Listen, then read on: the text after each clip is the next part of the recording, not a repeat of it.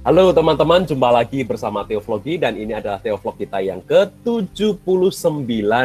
Masih bersama dengan saya dan Bung DS di sini dan satu uh, tamu yang tidak kalah super istimewanya pada kesempatan kali ini yaitu uh, yang mutabir pendeta Heru Himawan, sahabat saya dan juga sahabat Bung DS.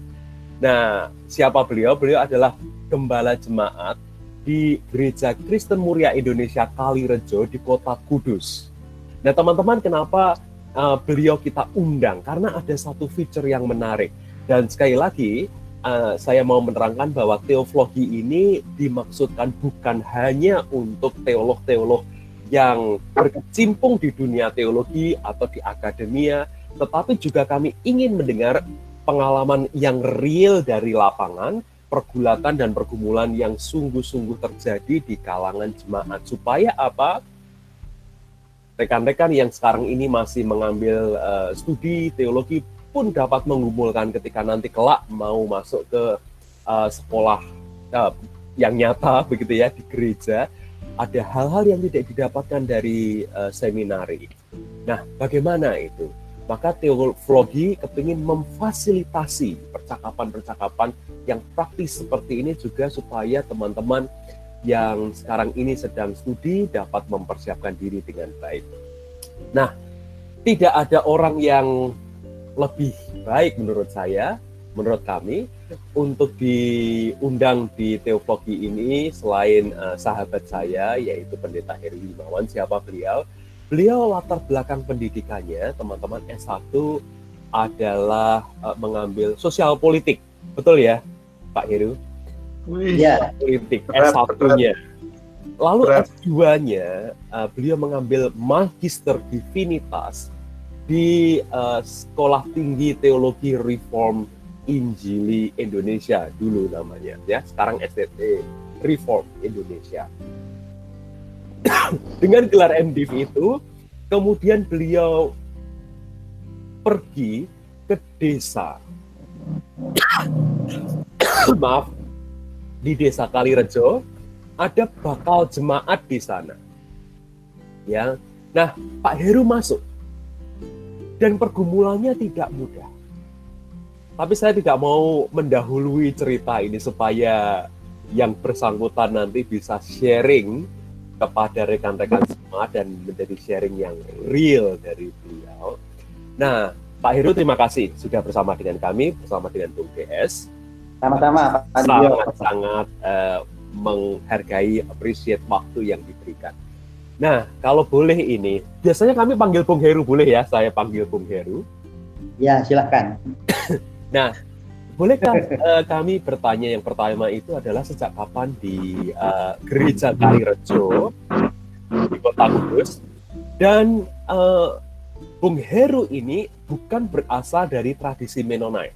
Latar belakang teologinya adalah reform um, dan bagaimana Bung Heru ini bisa menyesuaikan diri, bisa menegosiasi perbedaan tradisi teologi yang ada. Saya start dari situ. Monggo. Iya, terima kasih untuk uh, Mendio dan Bung DS. Selamat pagi untuk waktu New York dan selamat siang untuk waktu Aussie untuk dua rekan selamat kami yang malam. Oh, malam ya. Malam. Malam, malam itu. Malam ya ya. Seperti di, diketahui bersama bahwa saya bukan teologi dan memang saya masuk sekolah teologi itu boleh dibilang terlambat umur 31 tahun itu baru masuk ke teologi setelah selesai kuliah S1 sospol tadi dan kemudian bekerja. 31 itu masuk ke sekolah teologi mungkin 31 tahun ya? dan empat tahun setengah saya ambil sekolah teologi dan kemudian saya pergi ke Kudus ya ke desa yang mungkin di Beta tidak ada dan orang tanya kok mau ke desa itu ngapain? Apa yang uh, dicari di, di uh, desa gitu kan. Hmm. Nah, itu sebuah perjalanan panjang ya, Bung Nindyo. Ketika saya pergi ke Kudus, sebuah desa yang saya tidak kenal sebelumnya. Kalau disebut panggilan sih saya agak takut untuk mengatakan panggilan ya, karena kadang-kadang kita tidak bisa mengukur panggilan itu diukurnya dari mana. Apakah dari rasa damai, rasa tenang ketika bisa melakukan bisa pergi ke tempat yang dianggap itu sebagai sebuah panggilan ataupun hasil yang dicapai. Tetapi saya merasakan bahwa Tuhan memimpin saya ke sini lewat berbagai pergumulan, lewat berbagai pengalaman hidup yang kemudian uh, mengerucut kepada sebuah simpulan saya bahwa saya harus meninggalkan Jakarta yang saya sudah hidup sekitar 15 tahun di sana, sudah beranak pinak di sana, pergi ke Kudus, ke Desa Kalirejo yang waktu itu tahun 2006 ya, masih sangat sepi sekali.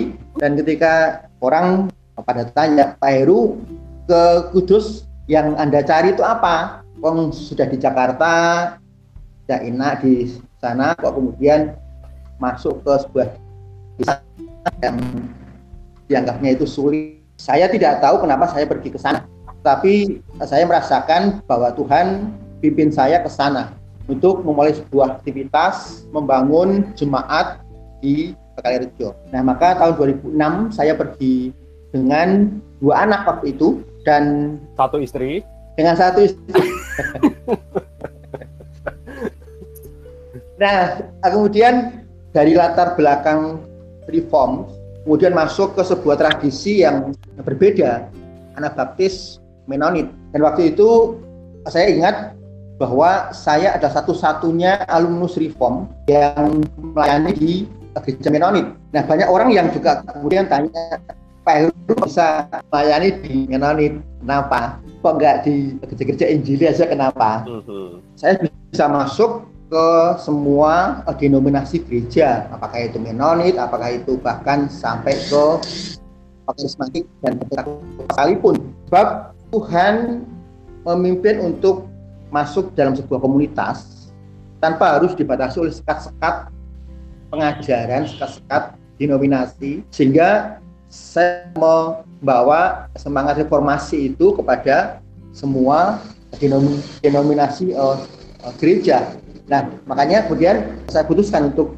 saya masuk ke anak baptis hmm. yang memang ada beberapa prinsip yang berbeda dari reform. Hmm.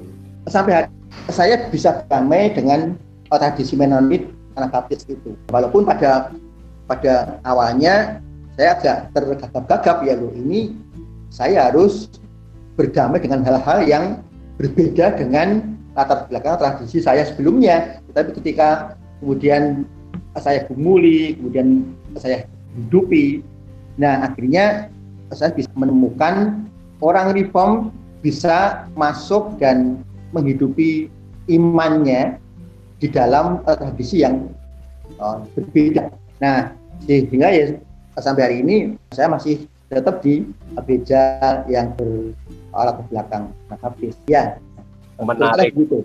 Berarti ya. 13 tahun sekarang sudah berada di kota Kudus dan iya. melayani ya. di Kalirejo tanpa terasa. Kalau boleh melihat ke belakang, melihat ulang ketika tahun 2006 tadi. Saya juga baru di kota Kudus waktu itu. Tahun 2005 saya masuk, kemudian saya ya. mendengar tahun 2006 ada alumnus STT RII yang akan juga join dengan kami, gitu kan saya bertanya-tanya dalam hati siapa ini. Pada waktu Pak Heru masuk uh, ke jemaat tersebut, bukan pendeta, tidak berpenampilan meyakinkan. Nah, kalau sekarang kan sudah pakai peneng gitu kan, jadi uh, sudah tandanya beda kalau sudah kesulitan putih. Penampilannya tidak meyakinkan, dipandang sebelah mata, bukan apa-apa, dan juga di gereja kecil. Pak Heru juga tidak kurang dicurigai, jangan-jangan mau ke gereja besar gereja yang di Kudus gitu kan gereja yang besar. Semuanya ini terjadi. Bagaimana melewati proses-proses yang tidak mudah yang pasti tidak ditemui dalam training di seminari. Bagaimana? Iya bagi saya Bung Lindion semua umat Tuhan itu berada di mata Tuhan kemudian mereka juga butuh orang-orang yang memang punya hati di sana. Sehingga ketika kemudian saya pergi ke desa, mengapa tidak dilakukan. Uh, ada hal-hal signifikan yang memang saya harus lakukan terkait dengan misi Allah untuk memuridkan banyak bangsa. Nah, sampai di sini kemudian saya tergetar ketika sedikit sekali orang yang terbeban untuk mengambil bagian masuk ke pelayanan pedesaan. Walaupun toh ada orang-orang yang terbeban untuk melayani daerah-daerah desa gitu. Saya justru melihat masyarakat desa itu juga sama pentingnya dengan masyarakat kota Allah. Mereka perlu dididik, mereka perlu dilengkapi, kemudian mereka perlu diarahkan supaya iman mereka itu bertumbuh dalam konteks kehidupan budaya masing-masing. Nah, saya melihat itu, maka kemudian saya mengambil keputusan untuk saya mau pergi ke desa mm-hmm. dan tidak mau mengambil aktivitas-aktivitas pelayanan untuk orang-orang kota begitu. Mm-hmm. Walaupun itu ada beberapa penawaran bagi saya untuk melayani di gereja-gereja besar bilang kota lah ya gitu. dengan pertimbangan itu kemudian saya mengambil sikap saya harus pergi ke desa nah, muncul lagi pertanyaan apa yang dicari di desa ada apa di sana saya uh, hanya bilang di desa ada jiwa-jiwa yang seperti domba tanpa gembala. Mereka butuh orang-orang yang punya hati untuk bisa menjadi gembala atas orang-orang desa itu. Dengan mantap ya Bung ya. Dengan mantap akhirnya saya pergi ke Airjo waktu itu dengan pergumulan yang apa tidak mudah ya.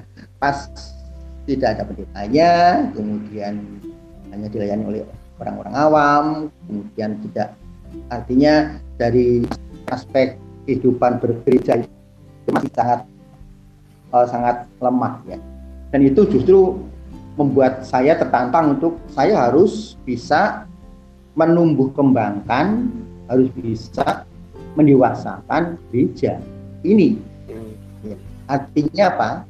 Dewasa sekedar terpisah dari pusat, tapi dewasa iman, kemudian dewasa ekonomi, kemudian dewasa dalam berbagai hal. Nah, itu yang kemudian jadi target uh, jangka panjang kami, ya saya khususnya. Nah, maka di awal-awal ini saya coba memetakan situasi-situasi jemaat, kemudian konteks desa, kemudian budaya yang lain-lain agar saya bisa merumuskan sebuah formula. Saya orang yang bukan belatar belakangkan anak baptis dan saya harus masuk ke dalam sebuah tradisi Menonit dengan sebuah target apa? Gerejamu harus menjadi gereja yang dewasa setelah itu, itu, itu ditarget ya pak ya iya, target ya yeah. nah itu target yang kemudian menancap di dalam uh, benak saya nih setelah sekian tahun jadi persekutuan apakah rejo itu mulai ada itu tahun 72 Bung. Hmm. 70 lahir dari sebuah konteks pergulatan politik pada saat itu hmm. pasca 65 ada orang-orang yang dicap kiri hmm. dan kemudian kita terpinggirkan dan tidak mendapatkan hak-hak sebagaimana mestinya sebagai seorang warga negara. Mereka merasa termarginalkan dan tidak mendapat hak-haknya sebagai manusia yang memiliki martabat. Nah, gereja ini itu muncul terbentuk dari situasi seperti itu. Dan itu kemudian eh, terbawa sampai bertahun-tahun bahkan sampai ketika saya masuk mereka menunjukkan adanya sebuah martabat martabat yang akhirnya membuat mereka itu merasa saya ini memang selayaknya diperlakukan as a human being gitu. Hmm. Tapi itu pun belum bisa terwujud sampai kira-kira tahun 2010 ketika saya sudah empat tahun di sini. Kemudian ketika saya sudah membuat peta-peta tentang situasi jemaat, kemudian analisa SDOT, kemudian konteks uh, budaya apa, kemudian hal-hal yang yang ada yang itu kemudian apa menjadi tensi. Nah, kemudian kami bersama-sama itu merumuskan sebuah visi jangka panjang yang mungkin ini agak lebay ataupun apa ya, tapi ini yang kemudian ingin untuk kami uh, capai. Ya visi itu adalah sehat iman, sehat keuangan, sehat organisasi.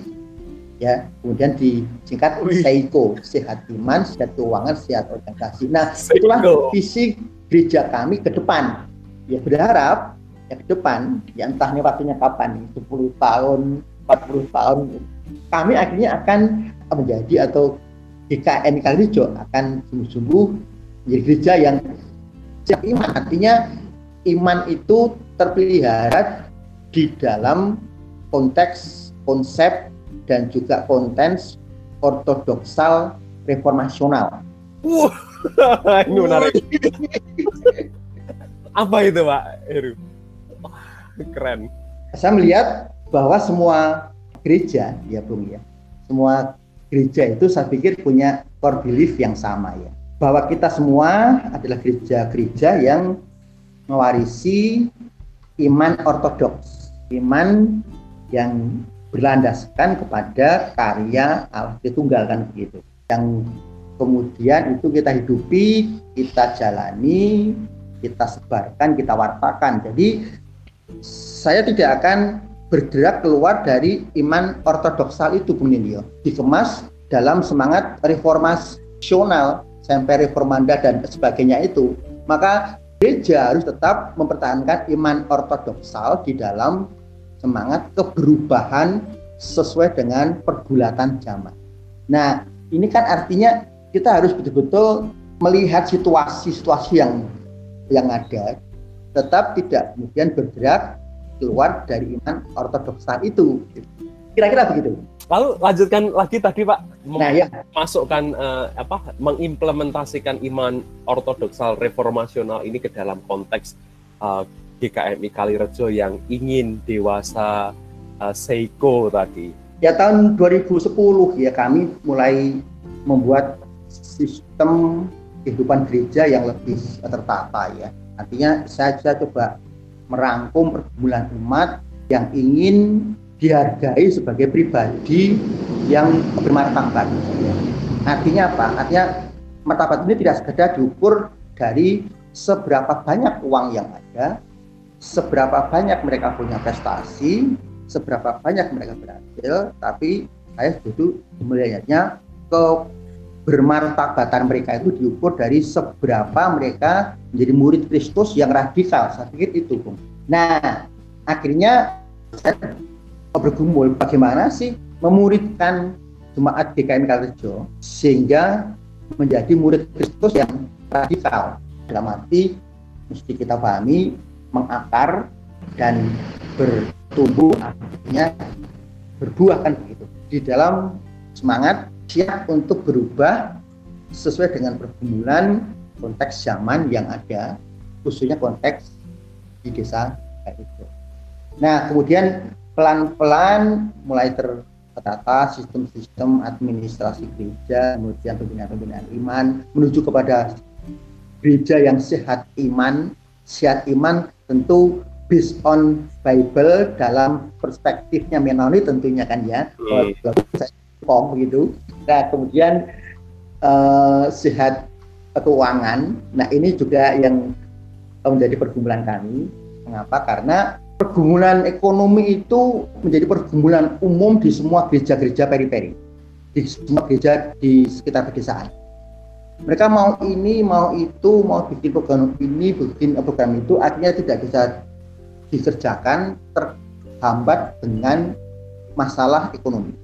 Nah bagi gereja-gereja di uh, apa pedesaan ini kemudian menjadi sebuah sehingga maju juga tidak tidak juga juga tidak inginnya maju inginnya banyak aktivitas inginnya ini dan itu tetapi terkendala dengan masalah ekonomi. Nah ini kemudian yang juga jadi pergumulan saya sekaligus kemudian kita selalu gantung kepada kekuatan ekonomi walaupun itu perlu untuk menunjang semua operasional dan ke kegiatan gereja.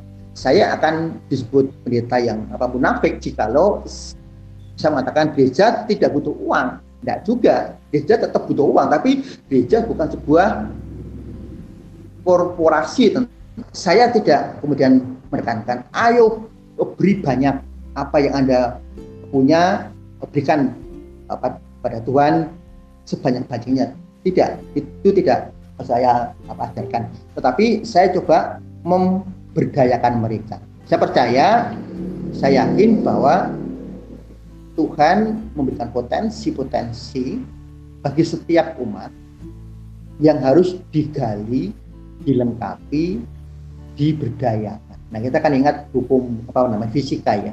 Hukum fisika itu potensi itu tidak akan berdampak apa-apa kalau tidak diberdayakan.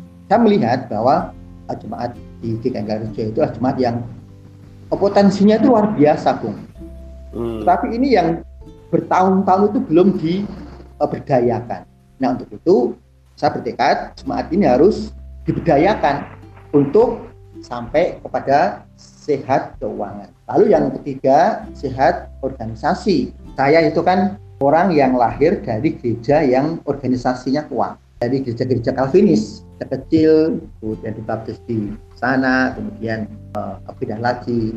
Nah, itu saya lalui dan saya melihat sebuah administrasi organisasi gereja yang bagi saya solid. Hmm. Nah, ingin bangun itu di GKM Kalirejo yang sudah bertahun-tahun itu kalau boleh saya katakan ini maaf bagi apa namanya pendahulu-pendahulu kami bahwa administrasi dan manajemen gereja masih masih belum baik.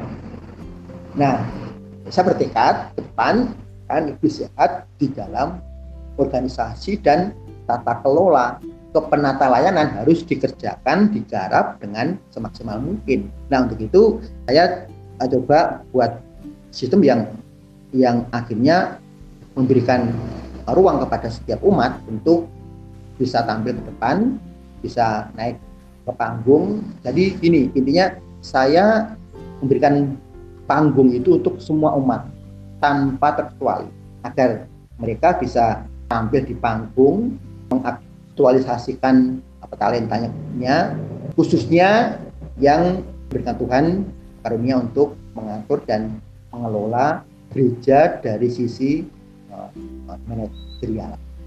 Nah, hampir mulai 2010 hingga tahun 2017 akhirnya kami menjadi bisa menjadi gereja uh, dewasa. dewasa. Nah, hanya kalau dibilang target, target itu kan sebetulnya sudah bisa kami lalui. Hmm. target untuk dewasa ya, menjadi target untuk dewasa target untuk punya gedung gereja sendiri, target untuk bangun gereja. Kalau kita mau apa ngomong target, sebetulnya saya sudah bisa merampungkan target yang dibebankan kepada saya tahun 2016. Target apa lagi nih sekarang ini? Nah, waktu itu saya sempat mengalami disorientasi ya. Seperti orang linglung. Ini saya mesti ngapain lagi di sini? Itu pergumulan. Nah, akhirnya berujung kepada sebuah kesepakatan saya dengan dengan Tuhan ya waktu itu.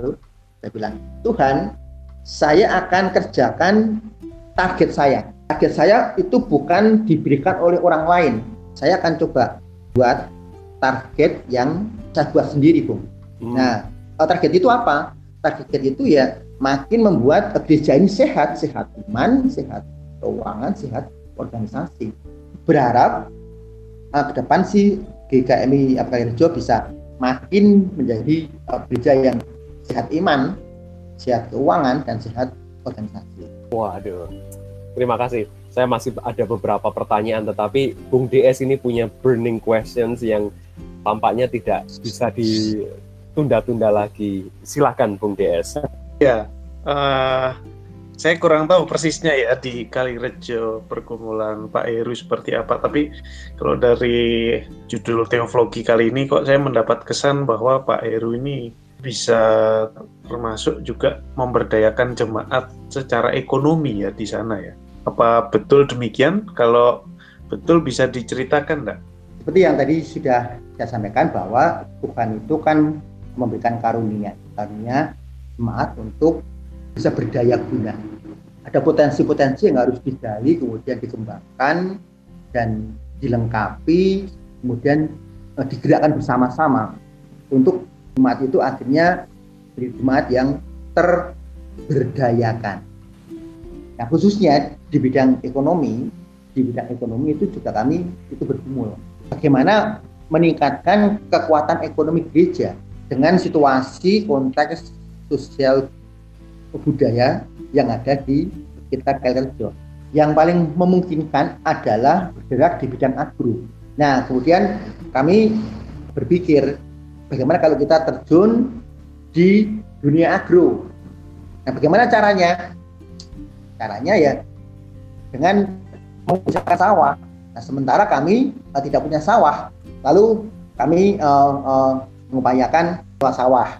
Kemudian kami tingkatkan terus sampai satu saat bisa punya sawah sendiri gitu. Maka dengan berbagai pergumulan, dengan berbagai perjuangan teman-teman dan juga jemaat dan juga dengan uh, dukungan uh, dari apa orang-orang yang punya uh, beban.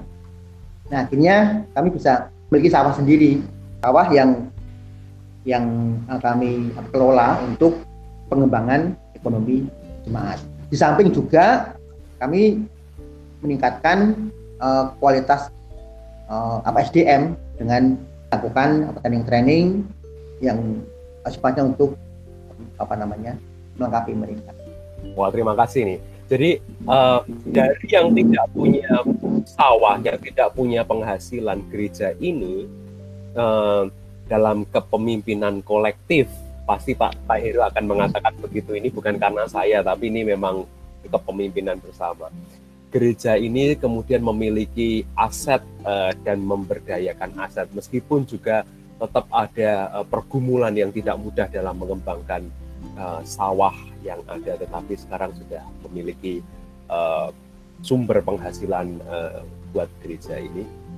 Nah, tapi di sisi yang lain, teman-teman, judul kita yaitu uh, meruat umat gitu kan. Meruat itu apa? Kalau teman-teman tahu istilah ruatan itu kan seperti uh, ini ada bencana terus kemudian harus ada sacrifice harus ada kurban yang diberikan lalu supaya uh, uh, uh, bencana itu kemudian menjadi tenang kembali stabil.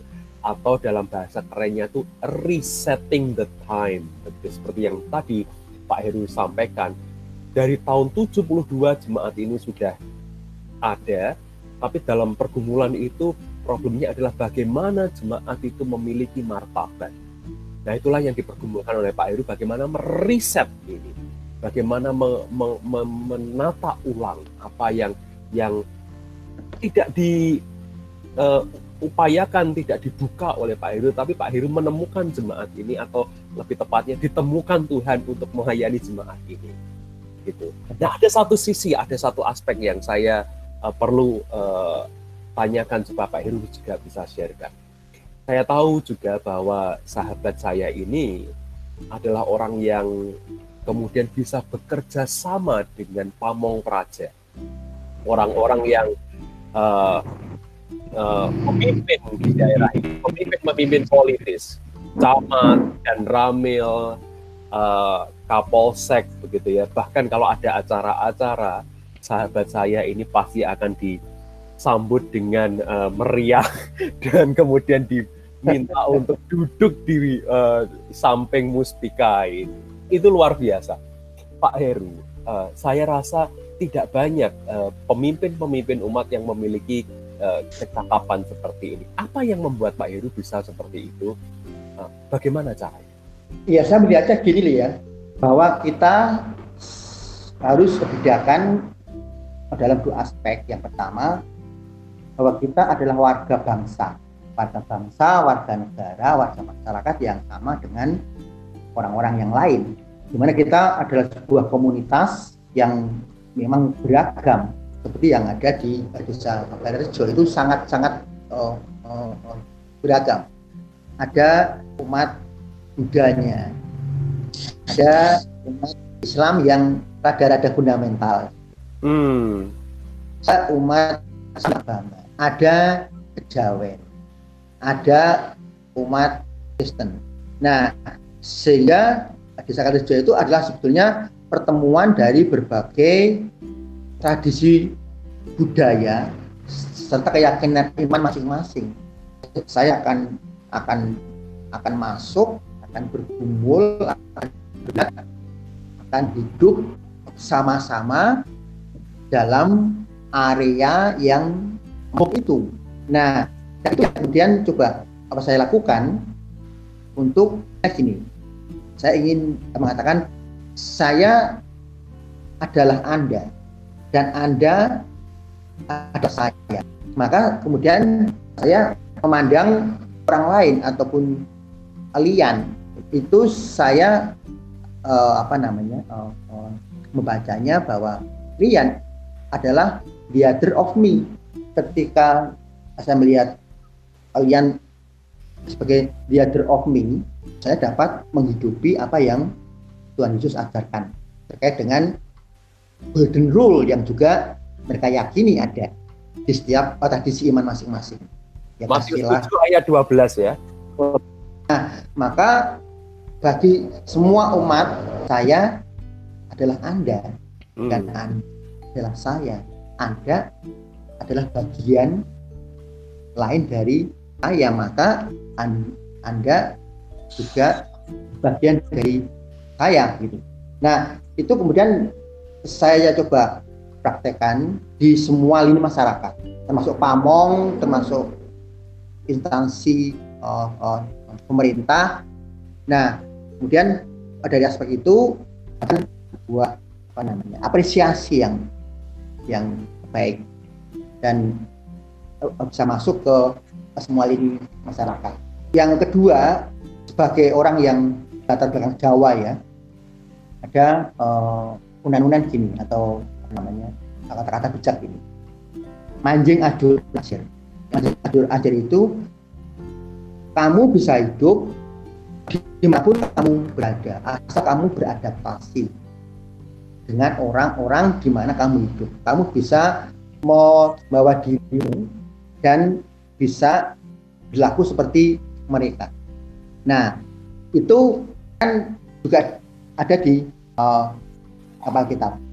Ya, ketika Paulus mengatakan bagi orang Yunani aku seperti orang Yunani, bagi orang Yahudi aku seperti orang Yahudi. Nah, artinya saya mencoba untuk berlaku seperti mereka agar bisa mengenalkan Tuhanku kepada mereka tanpa harus kehilangan identitas itu tadi itu tadi konsep mancing ajur ajar itu apa Jawa yang sangat-sangat dalam dan harga ya.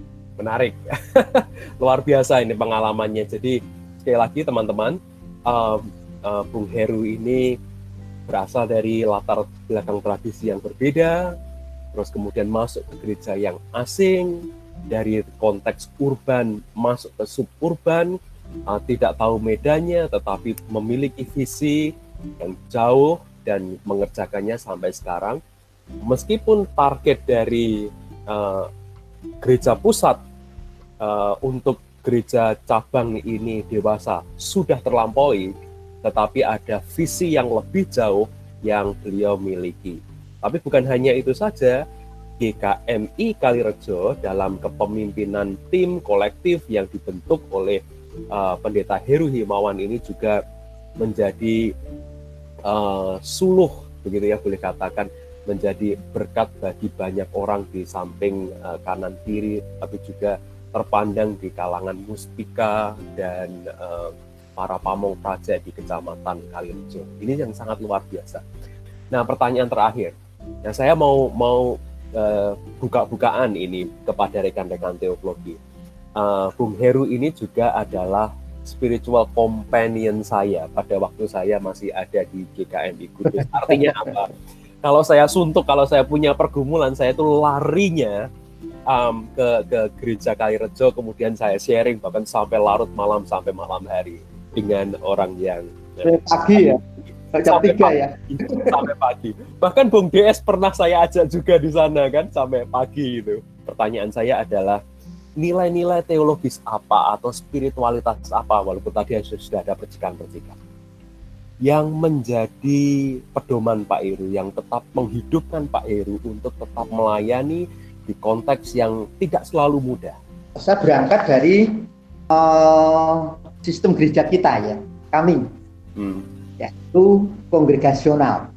Nah, satu yang kemudian saya pelajari adalah bahwa setiap gereja apa pun itu mulai dari ortodoks Yunani sampai ke Pentakosta atau Katolik Roma hingga ke Baptis ataupun episkopal sampai ke Lutheran dan Presbyterian sampai ke Metodis saya pikir secara natur mereka adalah sebuah jemaat kongregasi saya ingin bagaimana umat itu kemudian dilibatkan untuk bisa masuk ke sebuah nah, pergulatan bersama.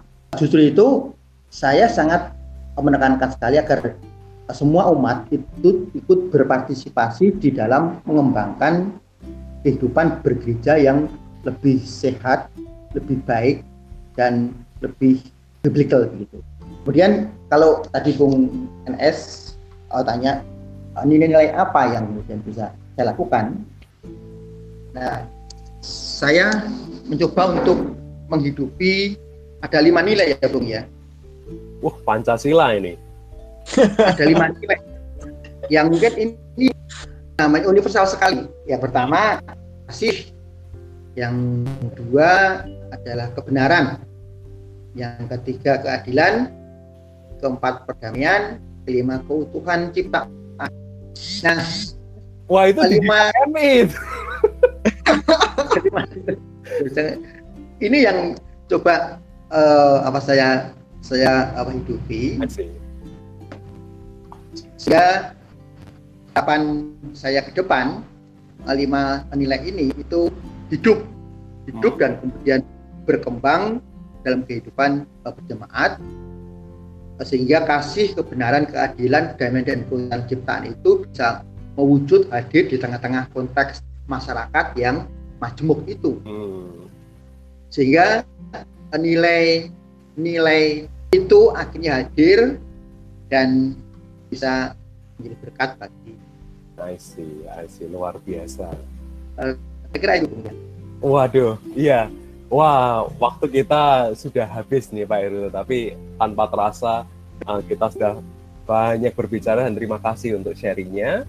Uh, pasti juga rekan-rekan khususnya yang sekarang ini masih dalam training akan sangat mendapatkan berkat dari percakapan kita. Oke, terima kasih Pak Heru. Terima kasih tetap semangat yeah. terus uh, melanjutkan yeah. pekerjaan Tuhan dan juga salah satu nilai tadi keutuhan ciptaan doa saya juga adalah biarlah semua makhluk bersuka cita. thank you